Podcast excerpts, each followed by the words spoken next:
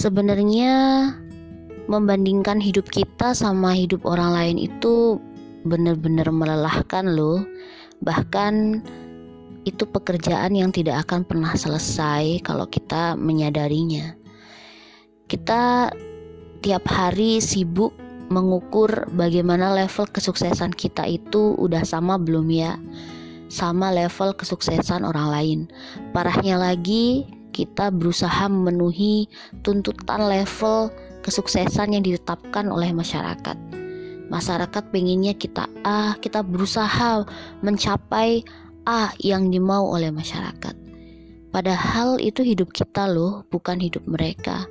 Tapi tanpa sadar, hidup kita menjadi hidup milik orang lain. Jadi teman-teman, yuk kita bareng-bareng benahi hati kita menjadi lebih baik. Kita nyalakan seni hidup penuh makna dalam diri kita supaya kita bisa menjadi pribadi yang bisa memaknai hidup kita sendiri. Lebih cepat, lebih baik, bukan?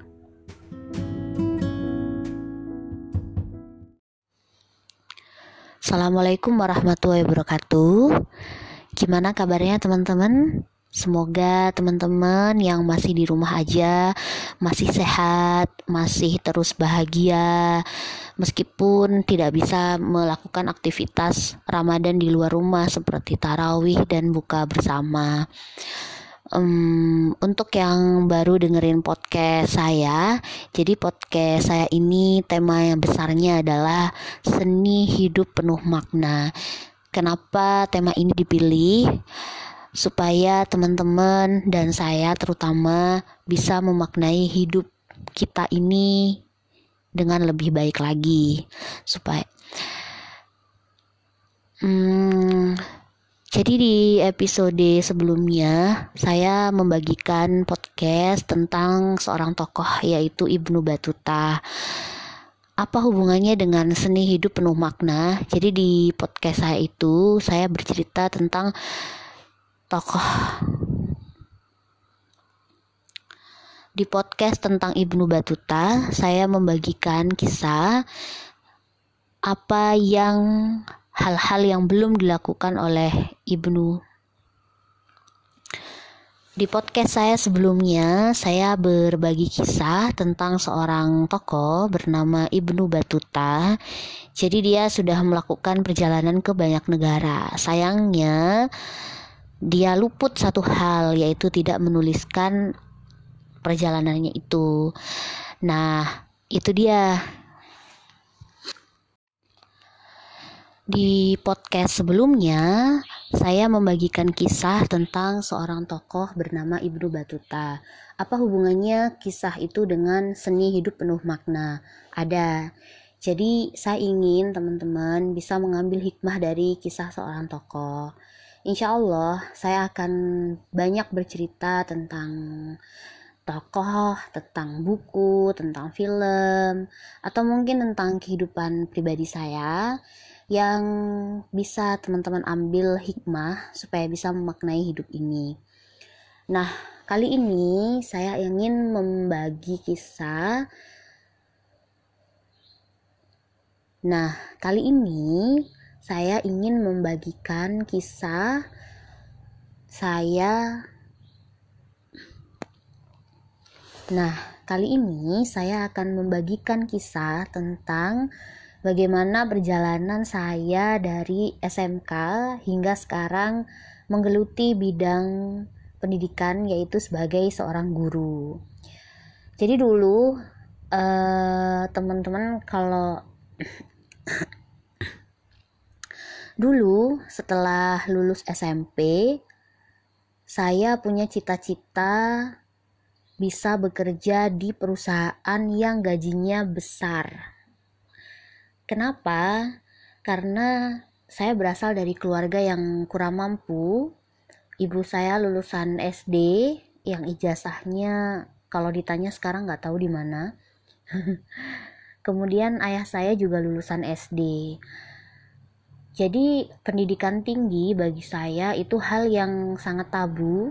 Bahkan saya tidak tahu bahwa setelah SMA itu masih ada pendidikan lanjut yang sekarang kita kenal S1, S2 gitu ya. Saya nggak ada bayangan ke arah sana.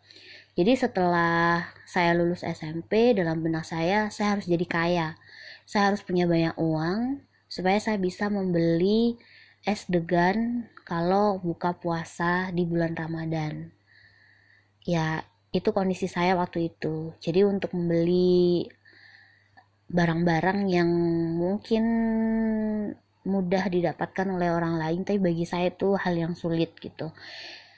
Jadi setelah SMP saya mengikuti tes masuk ke sekolah menengah kejuruan. Waktu itu namanya adalah SMK Negeri 1 Cerme di sana banyak jurusan jadi ada jurusan pendingin jurusan listrik gitu ada jurusan kimia komputer, tata boga. Karena saya perempuan, jadi saya memilih jurusan yang tentunya relate sama gender saya. Memasak nggak mungkin, karena saya nggak bisa masak. Terus komputer hmm, nggak hmm, juga, saya nggak bisa komputeran karena saya bukan bukan. Sebenarnya dulu alasan nggak ngambil komputer itu karena ada desas-desus yang mengatakan kalau kamu diterima di jurusan komputer di SMK, kamu harus membeli komputer di rumah. Nah, ini hal yang memberatkan buat saya gitu. Karena saya nggak punya uang. Akhirnya saya memilih jurusan kimia. Waktu itu kimia industri. Sekarang sudah ada kimia analis. Dulu cuma satu. Masuklah saya gitu kan. Saya daftar ke situ saya ikutan tes dulu tesnya ada tes tulis dan ada tes wawancara saya ikuti semuanya ya udah setelah mengikuti semuanya loloslah saya gitu. Jadi saya resmi diterima sebagai siswa jurusan kimia industri di SMK Negeri 1 Cermi hmm, ini boleh cerita agak agak ini ya agak mendalam gitu ya. Jadi waktu di SMK nah selama bersekolah di SMK saya masih belum punya bayangan tuh mau ngelanjutin pendidikan jadi dalam bayangan saya cuman pokoknya saya harus belajar giat nilainya harus bagus saya mempelajari semuanya ilmu-ilmu kimia yang ada di bidang industri saya pelajari lebih detail supaya saya bisa masuk ke perusahaan yang gajinya besar. Waktu itu saya pengen banget keterima di perusahaan petrokimia. Itu di Gresik sih. Dan orang-orang yang bekerja di petrokimia itu pasti punya nama yang lebih keren gitu. Jadi kalau misalnya kalian tuh ditanya sama orang, "Eh, kamu kerja di mana?" pasti kamu jawabnya bangga banget dah kalau misalnya udah kerja di petrokimia aku kerja di petro gitu. Sama lah kalau sekarang misal ditanya sama orang kamu kuliah di mana? gitu. Kalau jawabnya UGM gitu. Pasti kenceng banget. Kondisinya seperti itu. Uh, dulu kalau nggak Petro, saya pengen juga diterima di Unilever. Tapi Unilever itu kantornya di Jakarta, di Tangerang. Saya udah tahu sih, bahkan saya rela, maksudnya ya udah nggak apa-apa deh, saya ke Jakarta gitu kan. Jadi dulu dari dulu udah udah ada bayangan mau pergi ke Jakarta, cuman perginya ke Unilever. Setelah itu kelas berapa ya? Kelas 2 masih belum ada bayangan tuh buat kuliah. Jadi ya udah uh, lanjut aja gitu kan kita tekuni terus udah mulai ada perubahan itu waktu kelas 3 SMA eh 3 SMK ding ya. 3 SMK waktu kelas 3 SMK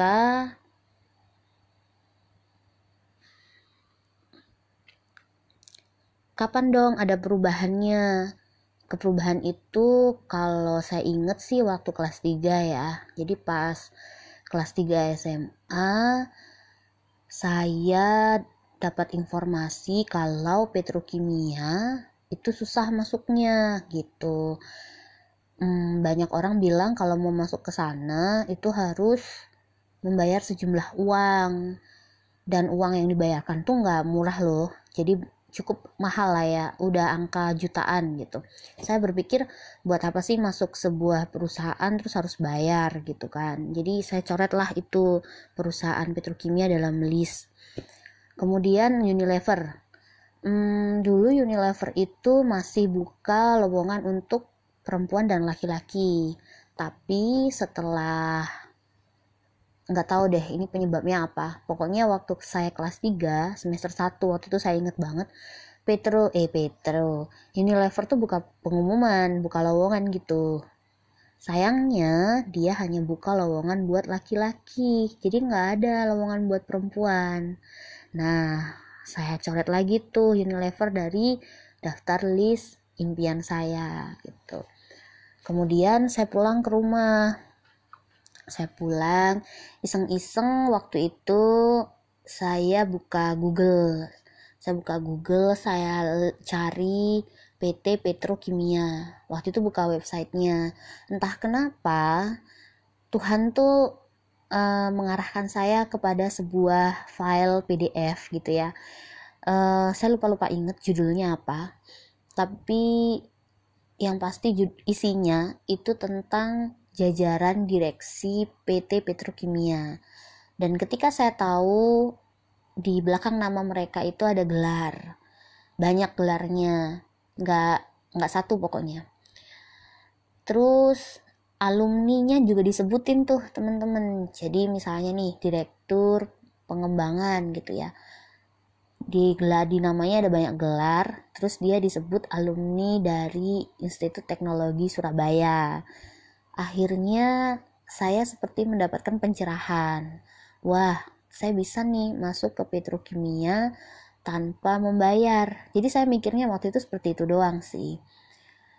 Kemudian uh, saya mulai mencari apa ya jurusan yang relate sama PT Petrokimia. Ke kebetulan jurusan saya kan kimia industri. Akhirnya di kampus saya juga mencari jurusan yang yang setipe lah ya dibutuhin sama Petro tapi juga relate sama jurusan saya. Ternyata saya pun memberanikan diri buat daftar ke Institut Teknologi Surabaya.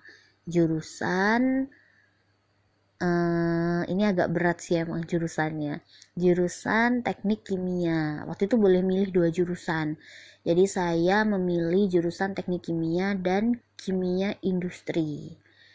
Oke, mendaftarlah saya ke situ kan. Waktu itu saya mendaftar jalur rapot itu. Saya mendaftar jalur rapot. Ternyata Allah berkendak lain. Ya, Allah selalu punya rencana lah ya buat kita. Saya belum ber apa ya? Saya saya belum berjodoh dengan Institut Teknologi Surabaya. Gak apa-apa, saya ikhlas. Lalu saya berusaha mencari jalan lain. Waktu itu saya cerita sih ke ibu saya gitu kalau saya mau masuk kampus supaya bisa kerja di pabrik atau di perusahaan. Kalimat ibu saya bikin saya mengubah jurusan saya gitu. Bahkan sampai belok kanan. Agak nabrak sih Ibu saya bilang gini, kamu perempuan, kalau kamu kerja di pabrik, kasihan nanti anak-anak kamu. Kalau di pabrik itu kan kerjanya shift, ada shift 1, shift 2, shift 3. Kalau teman-teman tahu tuh kerjanya kalau shift 1 dari jam 7 sampai jam 2 siang. Pokoknya per 8 jam. Kemudian kalau shift 2 itu dari jam 2 sampai jam 10 ya kayaknya.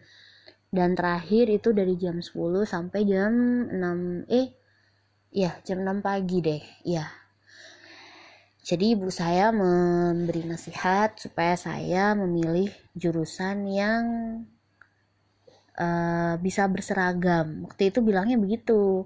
Jadi ibu saya tuh suka banget lihat orang-orang yang pakai seragam contohnya PNS gitu. Ujung-ujungnya sih ibu saya bilang udah jadi guru aja. Gitu. Kan kalau guru kan pakai seragam ya anggun hmm, disukai sama masyarakat gitu. Akhirnya saya belok kanan agak banting setir sih. Saya memilih kampus Universitas Negeri Surabaya. Saya pilihlah gitu waktu itu saya memilih IPC campuran. Saya bisa memilih tiga jurusan dua jurusan IPA satu jurusan IPS dan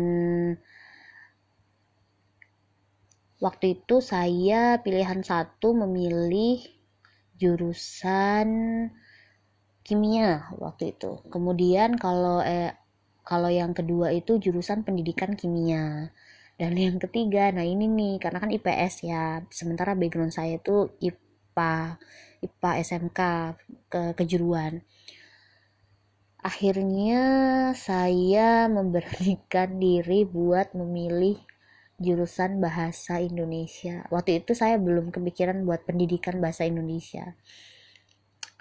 Karena saya hobi menulis, jadi setiap kali istirahat di sekolah gitu saya pasti nulis di komputer perpustakaan.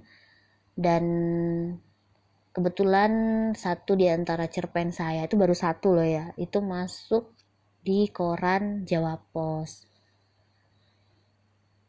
Ya udah saya akhirnya memutuskan untuk memilih. Ternyata kata ibu saya lagi jurusan bahasa Indonesia itu jurusan apa sebenarnya ibu saya sih nggak nggak komentar yang panjang sih cuma nanya doang. Kalau kamu masuk jurusan bahasa Indonesia nanti kamu jadi apa? Memang begitu pemikiran orang tua gitu ya. Pemikirannya uh, setelah lulus kamu nanti kerja apa? Gitu praktis lah ya. Tidak memikirkan bahwa ah ini kuliah cari ilmu gitu. Nggak seteoretis itu. Akhir saya nyari-nyari lagi tuh informasi gitu kan setelah ibu saya bertanya oh ya udah deh biar tetap me, apa ya me, mengakomodasi hobi saya menulis, saya pilihlah jurusan pendidikan bahasa Indonesia. Ada unsur pendidikannya, ada unsur menulisnya. Waktu ditanya sama ibu saya lagi, tenang, saya jawab, saya masuk jurusan yang akan menjadi guru. Nah, ibu saya tenang tuh setelah saya jawab begitu. Setelah saya tes dan pengumuman, Allah punya kejutan yang begitu luar biasa buat saya. Saya masuk di jurusan pendidikan bahasa Indonesia.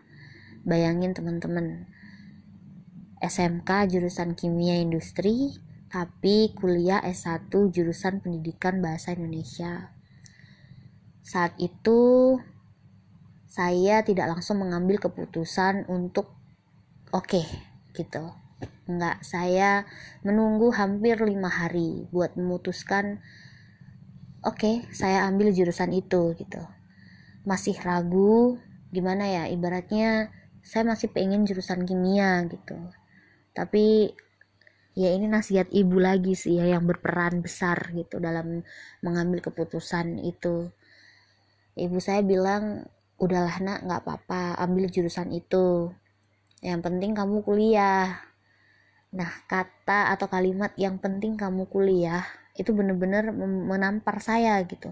Oh ya udah deh, saya ambil gitu.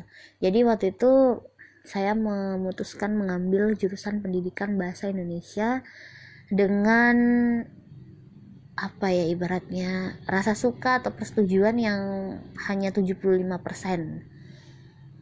Saya jalani, saya masuk, eh saya kan punya harapan besar bahwa saya akan diajari menulis gitu ya selama berkuliah. Ternyata enggak teman-teman. Aktivitas itu enggak ada sama sekali di kampus meskipun jurusannya bahasa Indonesia. Waktu itu saya kecewa sih aduh gimana ya? gitu. Hanya menulis yang yang membuat saya terhibur dan menyukai jurusan ini. Kalau itu nggak ada gimana dong? Akhirnya saya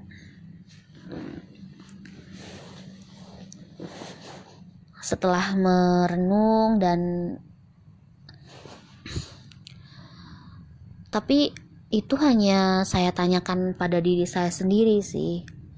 Dan sebetulnya waktu itu saya sepertinya belum menemukan jawaban gitu ya. Di saat seperti itu, ibu saya sempat sih menawarkan untuk pindah jurusan. Maksudnya saya keluar gitu ya dari kampus lalu ikut tes lagi tahun depan. Saya pikir itu pilihan yang tidak mungkin untuk dilakukan gitu ya. Secara saya mendapatkan beasiswa dan kalau saya keluar kemungkinan besar saya tidak bisa mendapatkan beasiswa lagi. Jadi ya sudah saya jalani sampai lulus dan sampai sekarang gitu.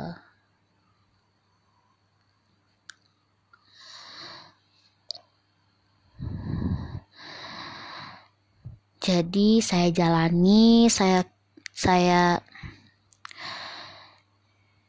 jadi saya jalani semuanya dari semester 1 hingga semester 8 dengan penuh warna-warni yang benar-benar tidak terduga teman-teman.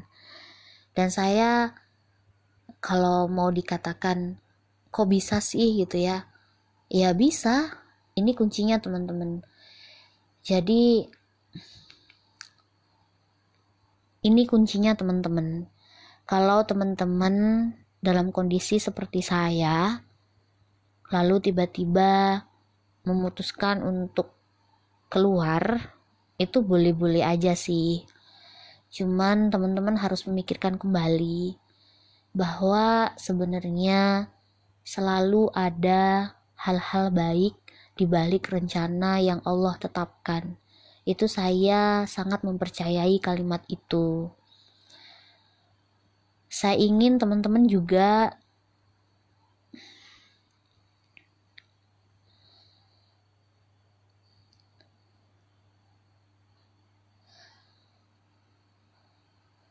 waktu itu kalau saya tidak mem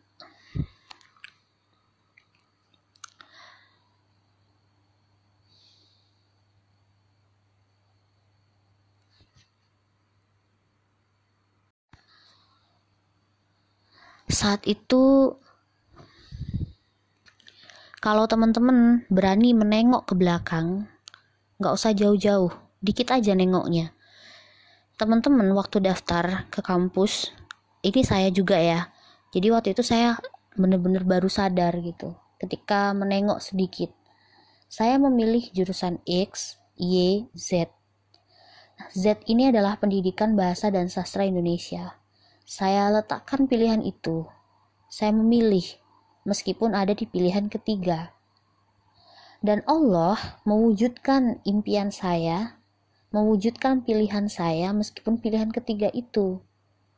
Nah, kalau saya masih berani untuk pindah jurusan di tahun berikutnya dengan alasan bahwa saya tidak ingin dengan jurusan yang saat ini saya jalani, berarti saya benar-benar belum bersyukur teman-teman.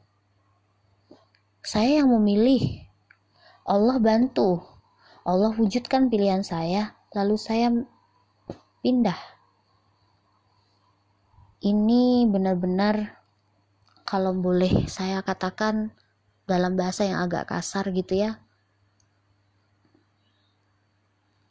Kamu tidak tahu diri kamu tidak pandai mensyukuri apa yang Allah berikan kepada kamu. Jadi buat teman-teman yang saat ini sedang kuliah di suatu jurusan, tolong ditengok lagi ke belakang. Siapa yang memilih jurusan itu? Teman-teman sendiri bukan?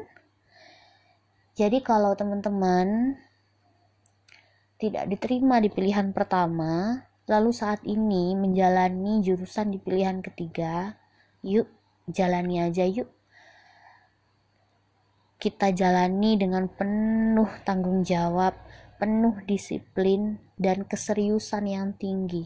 Insya Allah, teman-teman akan jadi sesuatu, akan jadi seseorang di masa depan. Allah akan lipat gandakan rasa Allah akan lipat gandakan kebaikan-kebaikan setelah kalian menjalani itu. Karena kalian bersyukur. Nah, ini kunci yang harus teman-teman pegang bahwa Allah itu selalu merencanakan lebih baik dari perencanaan kita. Kita hanya seorang manusia.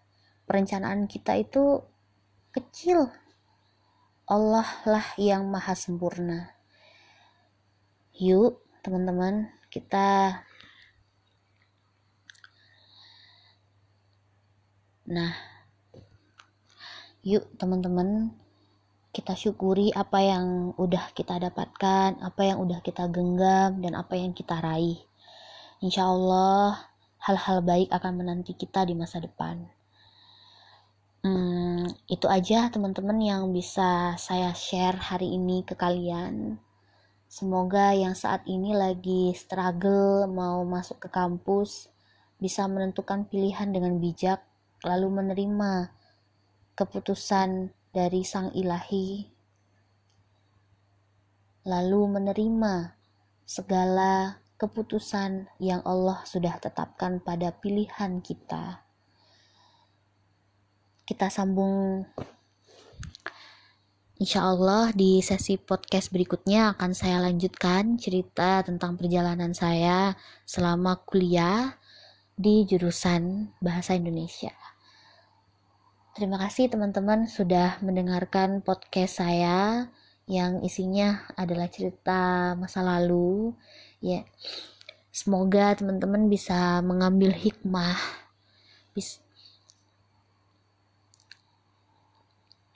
Semoga teman-teman bisa mengambil hikmah dari cerita saya dan bisa menjalani hidup ini dengan penuh makna.